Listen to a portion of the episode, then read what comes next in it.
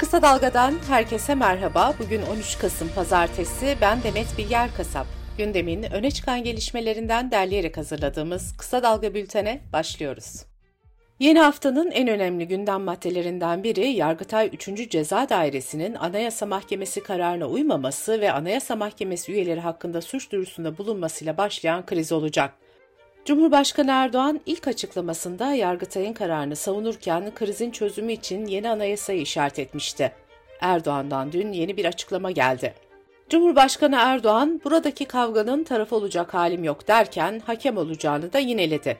Erdoğan, Yargıtay Başkanı ile görüştüğünü, gerekirse Anayasa Mahkemesi Başkanı ile de görüşeceğini söyledi. Erdoğan açıklamasında yargı krizine ilişkin bir yasal düzenleme çıkarsalar bile bunun da Anayasa Mahkemesi'ne gideceğini belirterek, meclisin alacağı karar Anayasa Mahkemesi'nde ters yüz edilirse zaman kaybından başka bir işe yaramaz dedi. Bu arada yargıdaki krizin çözümü için gündemdeki formüllerle ilgili kulis haberleri de geldi. Krizi çözmek için anayasa değişikliğine AKP ve MHP'nin oyları yetmiyor. Bu nedenle iktidar partisinin yasayla Anayasa Mahkemesi'nin yetkilerini sınırlandırmayı planladığı belirtiliyor. Gazete Pencere'den Nuray Babacan'ın yazısına göre Anayasa Mahkemesi'nin yerinde denetimlik yapmasını önleme ve bireysel başvuruları daraltma amacı taşıyan bir taslak hazırlandığı öne sürüldü. Anayasa Mahkemesi'nin sadece hak ihlali kararı vermesi ve sonucun Avrupa İnsan Hakları Mahkemesi'nde olduğu gibi tazminatla sınırlı kalması formülü üzerinde duruluyor. Cumhuriyet Halk Partisi'nin meclisteki adalet nöbeti de devam ediyor. CHP Genel Başkanı Özgür Özel, eylemin ikinci bir karara kadar devam edeceğini söyledi. CHP İstanbul İl Başkanı Özgür Çelik de bugün Çağlayan Adliyesi önünde oturma eylemine başlayacaklarını duyurdu. Özgür Çelik, tüm İstanbul halkını anayasal düzeni savunmaya davet ediyorum, dedi. Muhalefetin ve hukukçuların Yargıtay kararına yönelik tepkileri sürerken MHP Genel Başkan Yardımcısı İzzet Ulvi Yönter Cuma günü katıldığı bir canlı yayında AYM'yi ya kapatacaklarını ya da yapılandıracaklarını söylemişti. Bu sözler tartışılırken gazeteci Alican Uludağ, Yönter'in Yargıtay 3. Ceza Dairesi'nin bir üyesinin kızının nikah şahitliğini yaptığını yazdı. Yönter ise gazeteci Alican Uludağ sosyal medyadan hedef gösterip nefesimiz ensende diyerek tehdit etti. Özgür Özel'in 8. Genel Başkan seçildiği Cumhuriyet Halk Partisi'nde yeni Merkez Yönetim Kurulu da belli oldu. Özel şimdiye kadar görev yapan danışmanlarla yollarını ayırdı. Parti sözcüsü Deniz Yücel, Genel Sekreter Selin Sayek Böke oldu. Merkez Yönetim Kurulu üyelerinin yanı sıra bakanlıkların çalışmalarını izleyecek bir gölge kabine de oluşturuldu. Özel'in gölge kabinesinde İçişlerinden sorumlu Genel Başkan Yardımcısı Murat Bakan, Adalet Bakanlığı'ndan sorumlu Genel Başkan Yardımcısı Gökçe Gökçen, Dışişleri Bakanlığı'ndan sorumlu Genel Başkan Yardımcısı da İlhan Uzgel oldu. Hazine ve Maliye Bakanlığı'ndan da Yalçın Karatepe sorumlu olacak.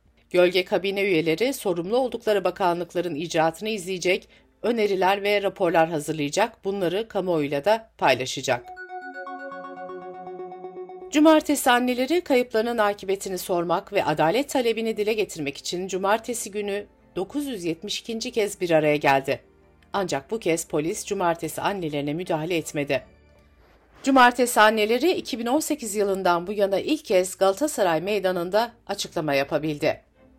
İçişleri Bakanı Ali Yerlikaya geçen hafta cumartesi anneleriyle ilgili iyi niyetliyiz demiş ve sorunu çözeceklerini söylemişti. Karadeniz Teknik Üniversitesi İnşaat Mühendisliği Bölümü akademisyenleri 6 Şubat depremlerinde yıkılarak yüzlerce insana mezar olan 500'e yakın binadan aldıkları örnekleri inceleyerek rapor hazırladı. Profesör Doktor Ahmetcan Altunışık şu yorumu yaptı. İsyas Otel'in yıkılış şekli kum dolu kovayı çevirdikten sonra kumun yayılış şekli gibi. Ebrar sitesinde ise çiroz ve kancalar uygulanırken projeye uyulmamış. Kısa Dalga Bülten'de sırada ekonomi haberleri var. Hazine ve Maliye Bakanı Mehmet Şimşek, Türkiye yatırımcı güveninin geri geldiğini söyledi. Bakan Şimşek, Türkiye'nin kredi risk priminin 400 bas puanın altına indiğini belirtti. Cumhurbaşkanlığı Strateji ve Bütçe Başkanlığı'nın ekonomi raporuna göre bireysel kredisini ödeyemeyenlerin oranı Eylül ayında %20 artarak 118 bin kişiyi geçti.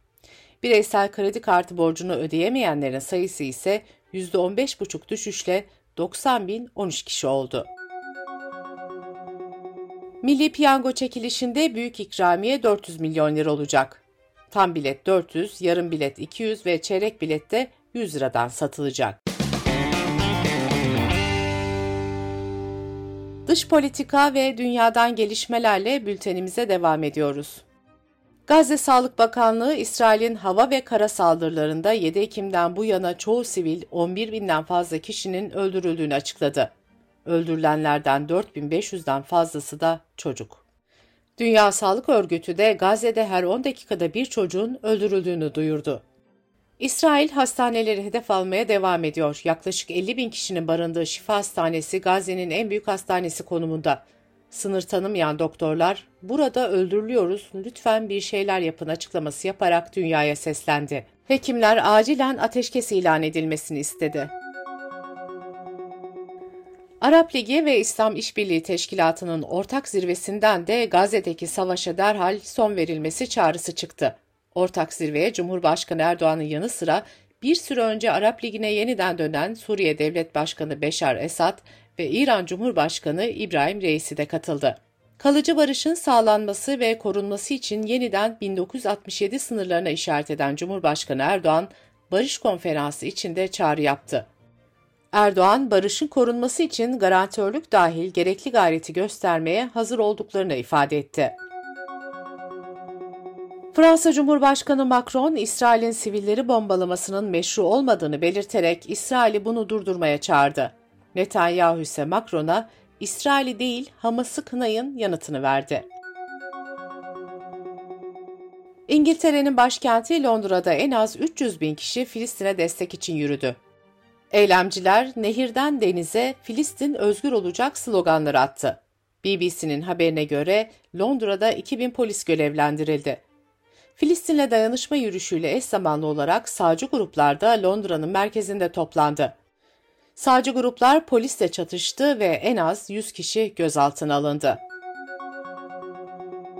İspanya'nın Barcelona kentinde 10 bine yakın kişinin katıldığı Filistin'e destek eyleminde İsrail'in Gazze'deki soykırımının sona ermesi istendi.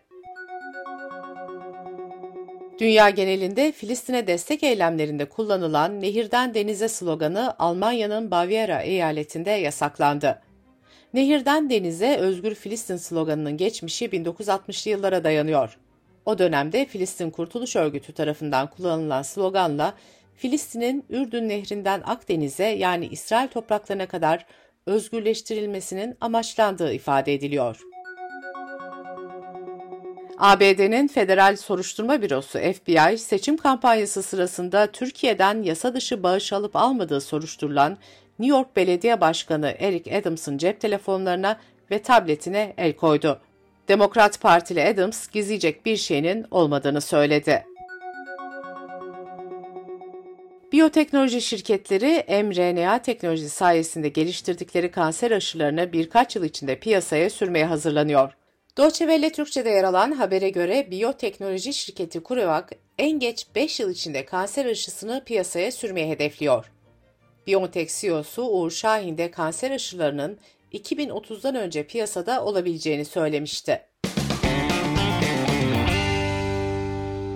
Bültenimizi kısa dalgadan bir öneriyle bitiriyoruz.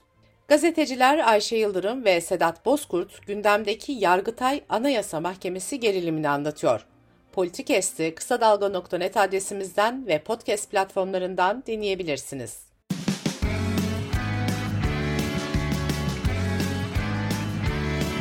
Kulağınız bizde olsun. Kısa Dalga Podcast.